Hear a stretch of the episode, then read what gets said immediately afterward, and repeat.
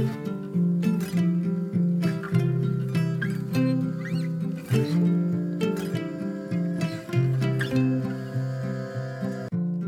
och välkommen till For Health med Anna Sparre. Idag ska vi prata ryggverk, varför man får ont i ryggen och vad man kan göra åt det. Vi pratar både om värk i ländrygg och bröstrygg och dessutom om ryggskott. Varför hjälper kanske inte övningarna som du har fått av din sjukgymnast? Det här får du svar på idag! Tack till vår sponsor Selexir som gör den här podcasten möjlig. Selexir innehåller några av de mest potenta tillskotten för våra celler och mitokondrier i en enda tablett. Bland annat innehåller Selexir koenzym Q10, PQQ och acetyl-L-karnitin. Ämnen som är viktiga för dina mitokondriers hälsa och behövs för cellernas energiproduktion. För dig som vill veta mer om de här tillskotten, lyssna på avsnitt 183 med Marcus Kitterley. Ange koden ANNA50 för att testa en månad för halva priset eller ANNA15 om du vill prenumerera på Selexir med 15% rabatt. På grund av stor efterfrågan så har Alpha Plus utökat platserna till utbildningen i behandlingsprogram vid autoimmunitet med Liz Lipski i Stockholm den 6-7 oktober. Skynda dig att anmäla! Du får under kursen spännande kunskap om kopplingen mellan tarm och autoimmunitet och mellan tarmen och hjärnan. Du får lära dig en funktionsmedicinsk approach till hur man hittar orsaker och lägger upp ett framgångsrikt behandlingsprogram tillsammans med patienten och tar del av LIS arbetssätt för behandling av läckande tarm, SIBO med mera. Utbildningen riktar sig till dig med medicinsk eller näringsterapeutisk bakgrund. För att läsa mer och anmäla dig, klicka på länken i avsnittsinformationen till det här podcastavsnittet eller gå till alfaplus.se utbildningar. Om du gillar den här intervjun så blir jag så glad om du vill dela med dig av den på Facebook, Instagram eller till en vän. Och gå in i iTunes och lämna en recension av podcasten. Och om du är nyfiken efter det här avsnittet så hittar du mer information på forhealth.se. Marcus Greus är experten på postural träning som vi pratade med i avsnitt 176. Så vill du lära dig mer eller veta mer om honom, så lyssna på det avsnittet.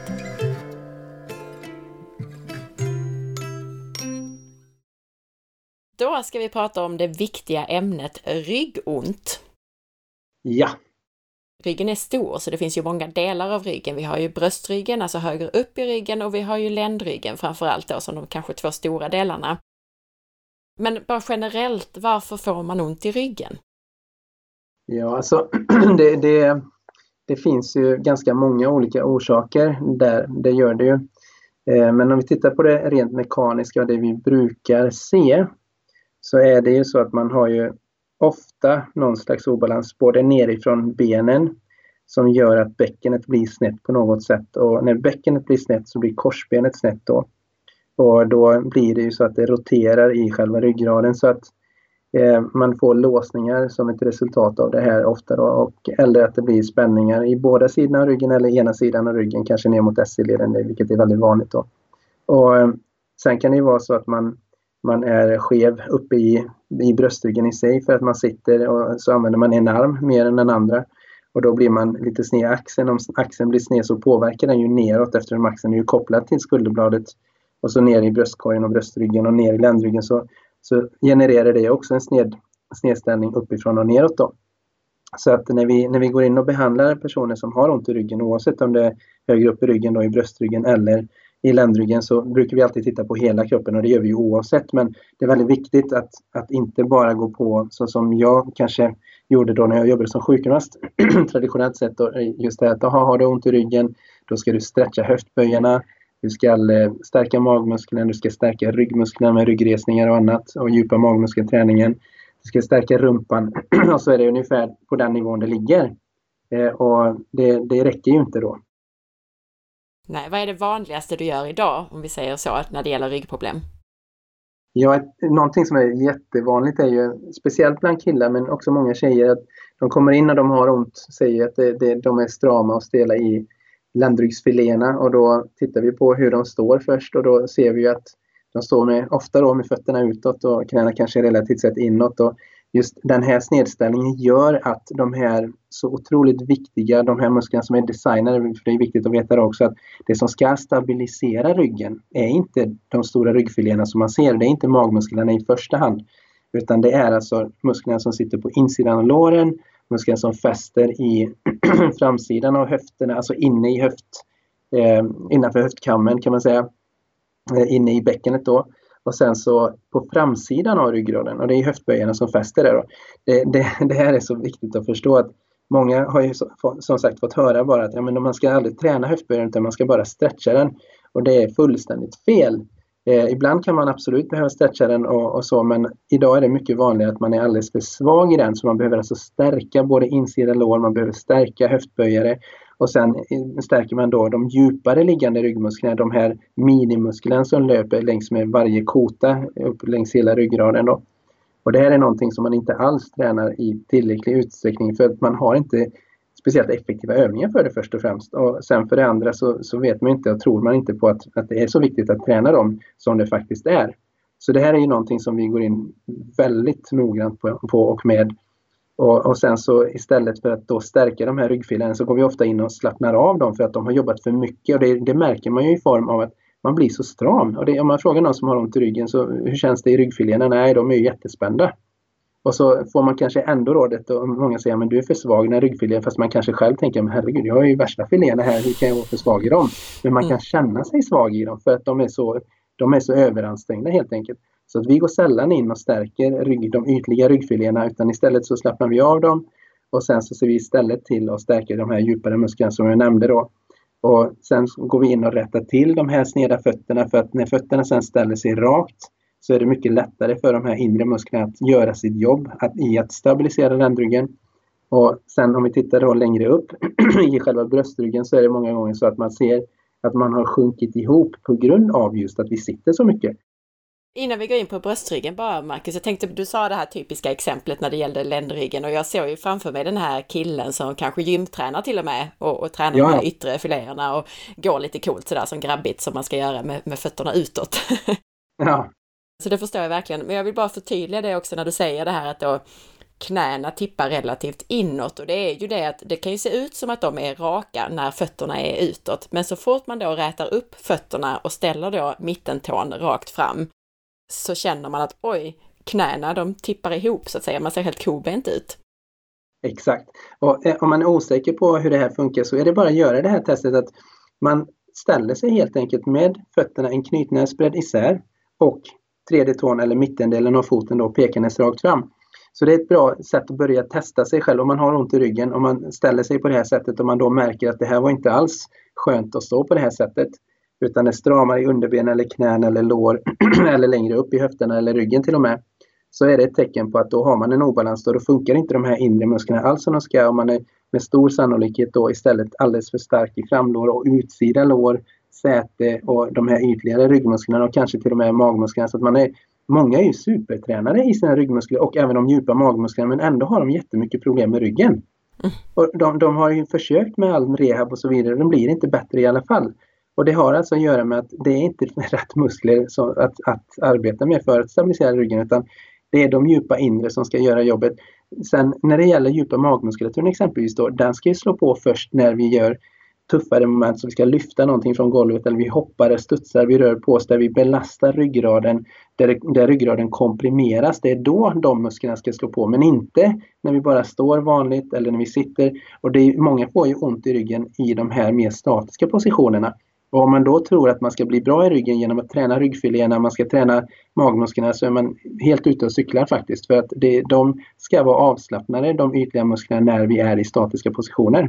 Och även när vi strosar på stan och sådär, bara lite enklare så. Men när vi börjar springa, hoppa, studsa, lyfta, då ska de här eh, mag och ytliga ryggmusklerna också vara med och eh, hjälpa till då.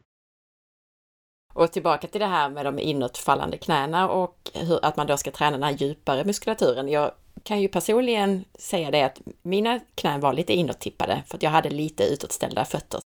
Och då har jag ju fått göra övningar som till exempel då det här utfallssteget där man drar upp bakbenet och så drar man upp benet högt till exempel. En sån övning och sådana här övningar i överlag där man ligger ner då och gör de här eh, fotcirklarna och så, så man aktiverar de här insida lår och, och höftböjarna. Ja. Och det har ju blivit, mina knän är nästan raka nu. Ja. Det, det, det som är så roligt med det här också är ju att speciellt då många killar säger att men herregud, jag har ju alltid stått med fötterna utåt, det går inte att rätta till. Och, och sen så kan man prova en övning så som runner stretch som vi har lagt ut innan redan. Och, och eh, testa då att stå med raka fötter först och sen gör man den övningen och sen går man in tillbaka och testar att stå med raka fötter och då brukar de allra flesta känna att redan efter bara den övningen känns lättare. Så att det är absolut inte omöjligt att rätta till eh, snedställda leder. Perfekt. Då ska du få gå vidare Marcus och prata. Du var på väg upp där till bröstryggen. Ja, och när det gäller bröstryggsproblem så, så kan det vara lite olika saker. Det kan dels var det att man bara har sjunkit ihop rent generellt. Alltså man har suttit för mycket i med ihopsjunken bröstkorg och kanske där till råga på det så har man gjort kanske mycket crunches, de här vanliga situpsen där man tränar mycket övre magmuskler då. Så att man har blivit tight i övre magen samtidigt som man har fastnat med själva bröstryggen i en kutig position.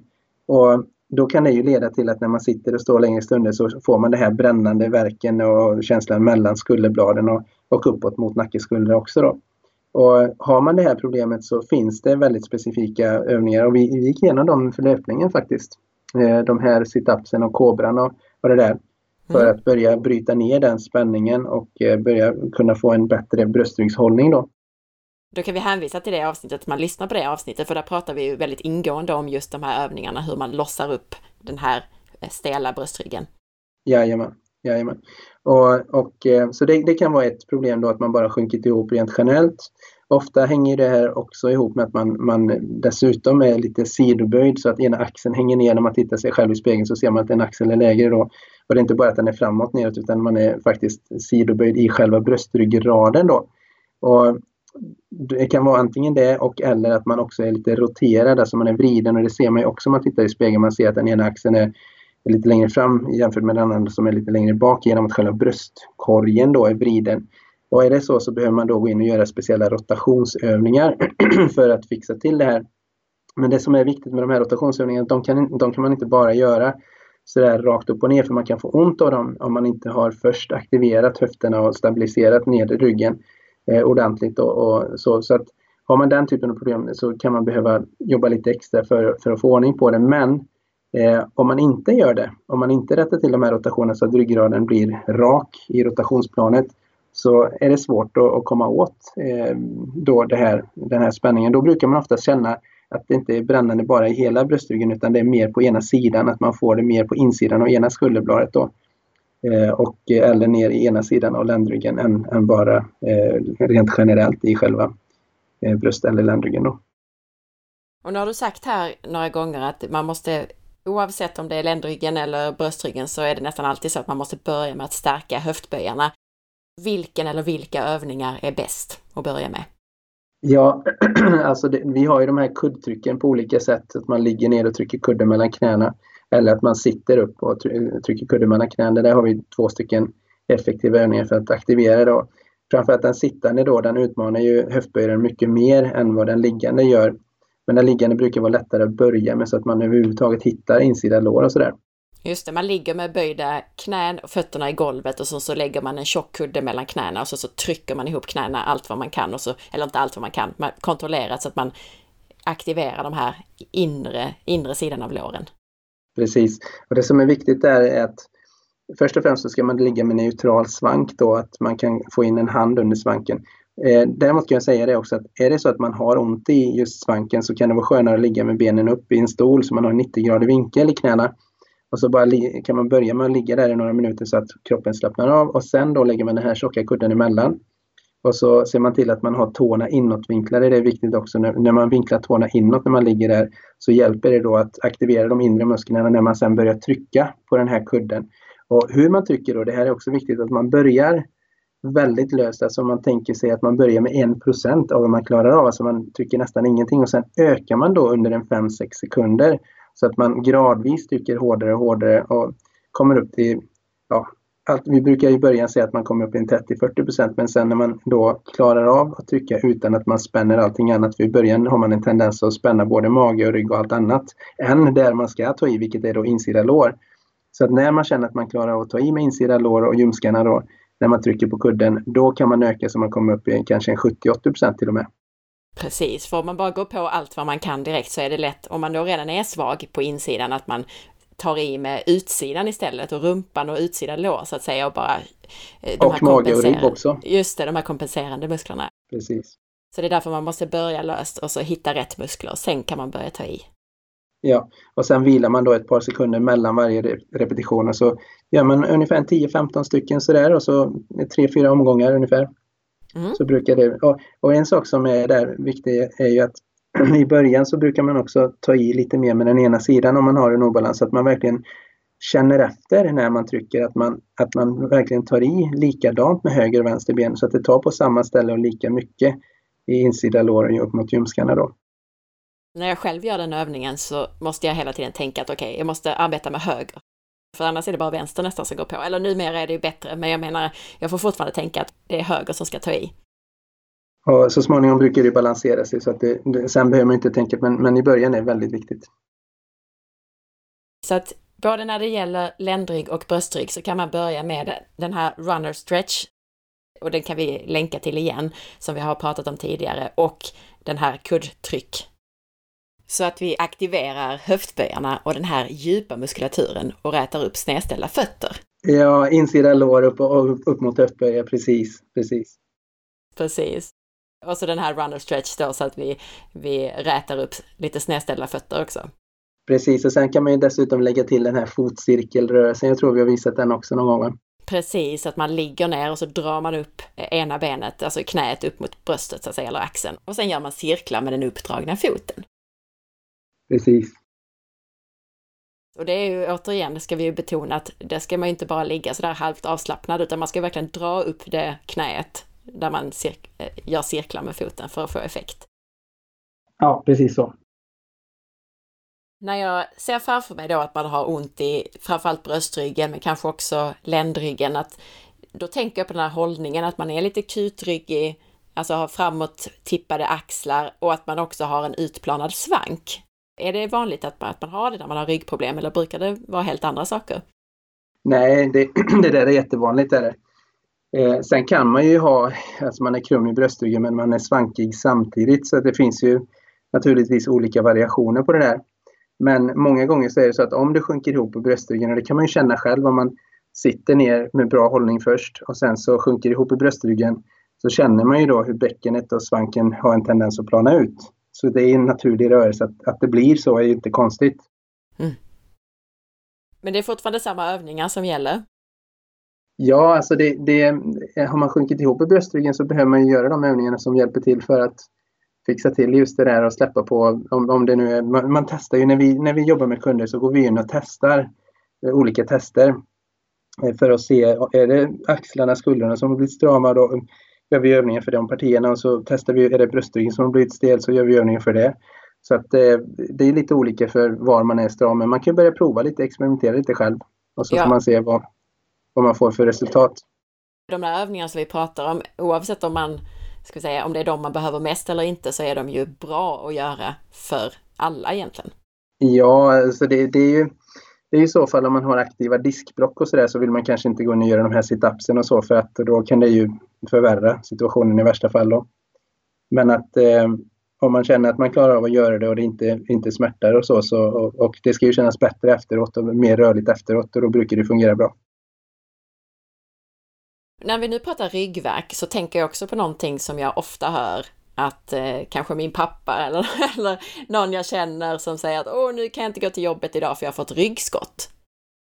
Jag har aldrig haft ryggskott själv, men var, varför får man ryggskott? Ja, alltså ofta är det ju det just att man har, man har de här snedställningarna som vi pratat om. Man har en fot som pekar snett och ett knä som hamnar fel och, och så, så har man ju en, en redan en, en snedställning också uppe i bäckenet och korsbenet kanske står lite snett och sådär.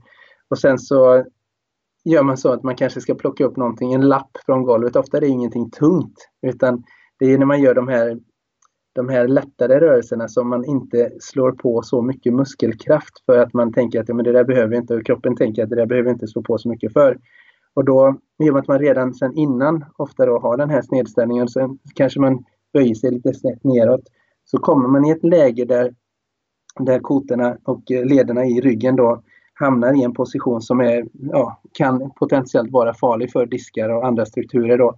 Och vad kroppen, det enda kroppen kan göra i, i det här läget är att den slår på allt den har. Den, den slår på musklerna stenhårt för att försöka försvara då. För att det, det är på väg att gå åt pipan eh, i någon del av just ryggraden då. Och det är det här som då blir till ett ryggskott, att då ligger de i kramp sen, de här musklerna. Och det som är intressant då är att man, där kan man gå till en kiropraktor eller en naprapat, osteopat eller någon annan som jobbar med att eh, knäcka till ryggen exempelvis. Och det, det kan ju vara skönt för att då kan det bli snabbare lindring på det där. Men de har gjort studier och tittat på att om, om du går till en, till en naprapat eller någon kotknäckare eh, eller du inte gör någonting så är, är, slutresultatet generellt sett ungefär detsamma efter två veckor i alla fall. Så att det, den här krampen släpper ju efter och sen så, sen så hämtar ju sig kroppen då. Men man får ju ställa sig frågan att om man har återkommande ryggskott då, det är en sak om det händer en gång. Men händer det om och om igen så är det ju ett tecken på att någonting är ur balans och det här gör att när du kommer i olika positioner så, så hamnar kotorna och lederna i ryggen i en felaktig, alltså potentiellt farlig position då, och då slår ju kroppen på de här musklerna. Och genom att då balansera så slipper man det här för det är helt onormalt att behöva få ryggskott. Så det är en slags försvarsmekanism där kroppen låser det för att inte man ska skada något värre ja, helt enkelt. Mm. Precis. Och du säger att det är någon obalans, alltså kan man också säga att det är för att man helt enkelt är alldeles för svag i de här stabiliserande musklerna? Det, absolut kan det vara och att man är svagare på ena sidan och beroende på vilken position man då är i när man just får det här ryggskottet så det kanske är så att man, säg, säg till exempel att man har stukat en fot ett halvår tidigare och så har man ju gått och avlastat den sidan ett tag då förmodligen. Och sen så har man oturen då att man ska böja sig på ett speciellt sätt som gör att just den sidan skulle behöva aktivera. Och så kan den inte göra det och då slår kroppen på andra muskler runt omkring för att kompensera och det här i sig gör att det just i det här ögonblicket också drar snett mer än vad det skulle gjort egentligen. Och då blir det så att det blir en farlig situation för ryggen eller lederna runt omkring där. Och det gör att man sen slår på allting som man har och då blir det ett ryggskott återigen då. Och den som lyssnar här nu och som känner igen sig i att okej, okay, jag får ryggskott lite då och då. Vad ska den personen göra? Är det samma övningar som vi har pratat om här tidigare för andra ryggbesvär eller är det någonting annat? Ja, alltså det är återigen, man får ju gå in och diagnostisera sig själv. Man får ju titta på sig själv i spegeln och ser man då att fötterna pekar utåt, ja men då kanske man behöver göra övningar för, för att rätta till det där. Och och ser man att nej, fötterna pekar rakt men att eh, jag ser att jag är helt sned i axlarna och bröstryggen är ihopsjunken, då kanske det handlar mer om att göra övningar för det partiet. Och är det så att höfterna istället är sneda men det ser ganska bra ut i bröstryggen och, be och benen så behöver man göra övningar för själva höfterna i sig. Och nu, nu är det svårt naturligtvis så här i en podd bara säga exakt vilka övningar handlar det om då men man kan ändå börja med de här grundläggande övningarna som vi har pratat om och se, eh, se hur det känns med dem. Och så får man ju ta det vidare därifrån sen. Perfekt. Så att de huvudsakliga övningarna vi har pratat om här när det gäller ryggbesvär, det är ju dels då de här, det här runner stretch som har återkommit i flera poddar för att räta upp de här utåtställda fötterna. Och då fotcirklar nämnde vi och knä, att man trycker på en kudde med knäna för att då aktivera höftböjarna och inre lår, så att säga, de här stabiliserande musklerna. Och sen så var det det här kring bröstryggen då, särskilt om man har problem med bröstryggen och eh, är kutryggig så att säga, eller sned i det partiet, att man, att man då jobbar med de här övningarna som vi pratade lite mer om i avsnittet om löpning. Absolut. Och sen då är det, är det så att man har mer återkommande problem just kring höften, då kan det vara lite olika saker som behöver göras. Så det är lite svårt att säga så här bara som sagt i en podd. Men, men oavsett så behöver man oftast börja med de här, åtminstone de här för benen och för höfterna, alltså med fotcyklar och kuddtryck. Det brukar vara bra i alla fall. Så, mm. att, eh, så att där, är, där är en start i alla fall. Jättebra Marcus! Är det någonting annat som vi ska säga när det gäller ryggverk? Ja, det finns ju, det finns ju många olika diagnoser eh, när det gäller ryggen. Dels är det ju ryggskott eller, eller den här eh, klassiska ryggverken, att det är molverken när man har suttit eh, eller stått en längre stund. Och det, då, det handlar ju oftast om att man är alldeles för, har för mycket påslag i de här ytligare ryggfiléerna. Och det i sin tur hänger oftast ihop med att man återigen då är för svag i insida lår och framsida höfter. Och eller det kan också vara så att man faktiskt är för stram i höftböjarna. Så att, och det är därifrån det kommer det här med att ah, har du ont i ryggen så ska du stretcha höftböjarna. För förr i tiden var det vanligare att man faktiskt var stram i höftböjarna men nu är det alltså tvärtom att vi, vi är oftast för svaga i dem då så därför behöver vi jobba mer med att stärka dem nu. Och genom att göra det så kan då ryggfiléerna slappna av och då blir man av med ryggverken när det, när det är den typen av ryggverk enklare. Då. Är det så mer att det är exempelvis ett diskbrock så, så brukar man behöva jobba mer med övningar som, som då återställer ryggradens kurvatur. Det gör man ju alltid oavsett men, men det är ännu viktigare just med diskbråck för att då hänger det ofta ihop med att man har tappat svanken. Man har blivit för kutryggig helt enkelt i, i svank, alltså i, i ländryggen. Då. Och, och där behöver man ju då gå in, dels med de här som vi redan har pratat om, men sen finns det även eh, övningar där man står i katt och hundposition där man bara låter, låter sig själv eh, stanna kvar i, i hundpositionen där man svankar ner och släpper skulderbladen ihop och låter huvudet hänga ner så man bara står och slappnar av i den positionen. Och då hjälper det kroppen att hitta tillbaka till eh, den här naturliga svanken då. Eh, för att tyngdkraften hjälper den att komma in. Du har väl gjort den tror jag, en static dog position heter den. Ja, jag tänkte också bara påpeka där när det gäller den att, att det viktiga där är att känna att man har Alltså när man har varit på yoga så kanske man bara har svankat allt vad man kan med hela ryggen, men alltså att man tänker på att, precis som du säger, att man håller ihop skulderbladen, så det är inte där man jobbar, det är inte över ryggen man jobbar, utan man jobbar som en axel där som går genom höfterna kan man säga, och att det är liksom rumpan och, och höfterna, med den nedre svanken som ska jobba i den här. Precis, jätteviktigt, för det är många som missar den och, och äh, lägger fokus lite på fel ställe faktiskt då. Men det är en sån, just när man har diskbråck så vill man se till att man återställer, om man har det här klassiska diskbråcket som går snett bakåt, utåt, eh, då så vill man ju eh, hitta positioner som gör att man återställer en naturlig svank. Sen finns det ju andra diagnoser, då, exempelvis spondylolystes där man har kotglidning. De kan vara lite trixigare att jobba med för att det som har hänt är att kotbågen har gått av och en kota har glidit framåt eller bakåt i förhållande till underliggande kota då. Och eh, då är det väldigt viktigt att man verkligen får ordning på, på dels balansen generellt och att höftböjare och andra muskler då gör sitt jobb men även att man jobbar mer med de här djupa magmusklerna i kombination med det här för att då man behöver så mycket stabilisering som man bara kan eftersom den naturliga stabiliseringen i själva ryggraden inte fungerar i det här läget när man har, när man har en spondylolistes eftersom bågen, kotbågen har gått av så det, det, finns för mycket rörelse i kotpelaren då som in, naturligt sett inte ska finnas där. Och därför behöver man då jobba mer med eh, allting som finns i området inklusive de djupa magmusklerna. För att när man jobbar med de djupa magmusklerna så aktiverar man också de djupast liggande ryggmusklerna på ett effektivt sätt. Så därför så är det bra att lägga in exempelvis de här övningarna där man ligger på rygg och man andas in, andas ut med magen och när man är färdig med utandning så suger man då in nedre delen av magen mot ryggraden utan att plana ut svanken. Så man ligger ändå med neutral svank då. Och det är en sån klassisk övning så den finns ju beskriven överallt egentligen. Men djup magmuskelträning generellt men med neutral svank så inte plana ut svanken som man ibland blir ombedd att göra det då. Och vi har också pratat mer om det här med magövningar i det avsnittet som handlade om graviditet och graviditetsproblem. Precis, och där tror jag vi pratade mer ja, noga om dem. Ja. Och jag vill bara betona där, för att det är nog många som tänker, men jag behöver inte lyssna på det för jag är man till exempel, men vi pratade om jättebra övningar i det programmet, så alla måste lyssna på det här avsnittet.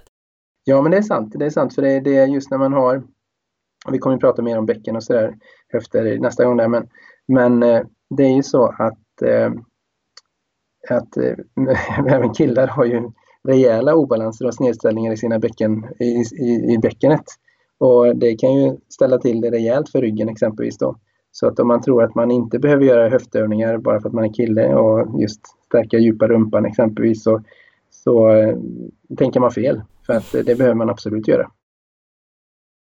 Och då kan man också lyssna på det här avsnittet som vi gjorde om styrketräning och gymträning så att man gör sina övningar rätt i alla fall när man är på gymmet.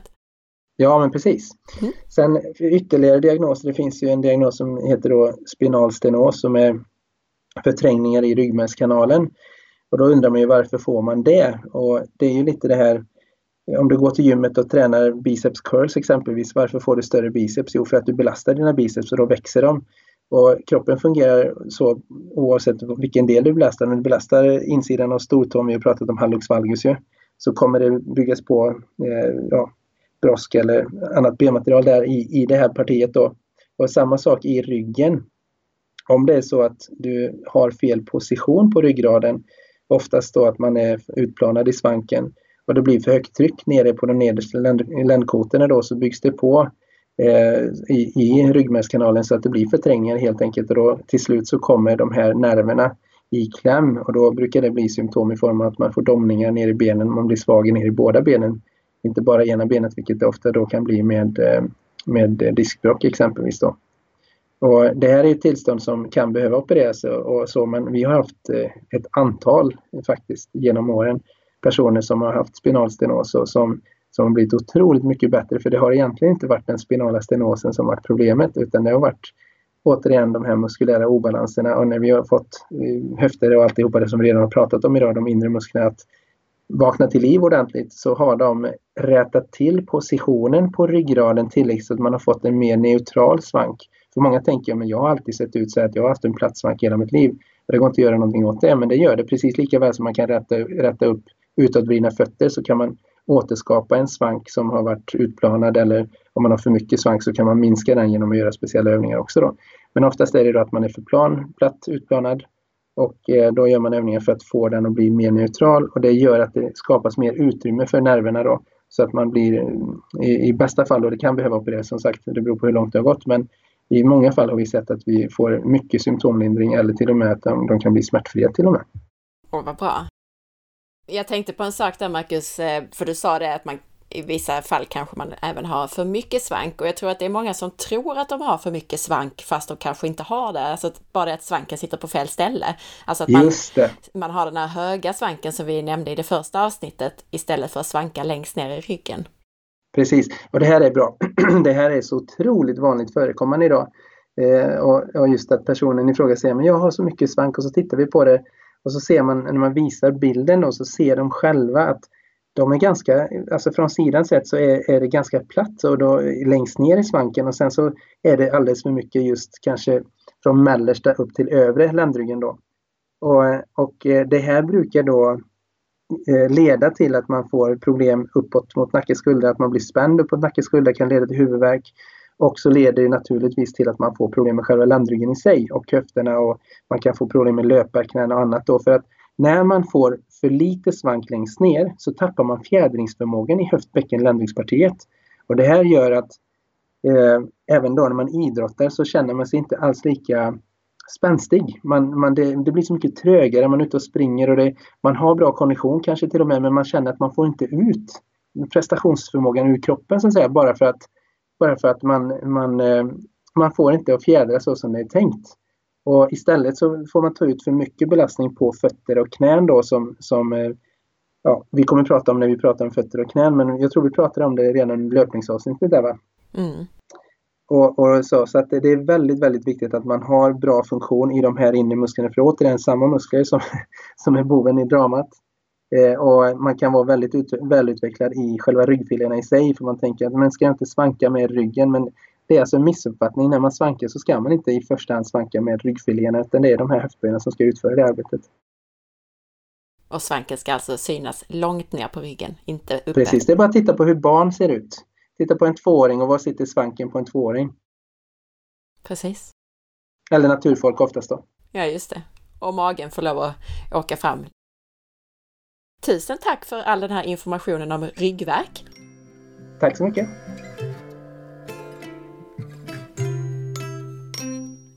Tack för att du lyssnade! Jag hoppas att du gillade intervjun. Och om du gillade podcasten så glöm nu inte att dela med dig.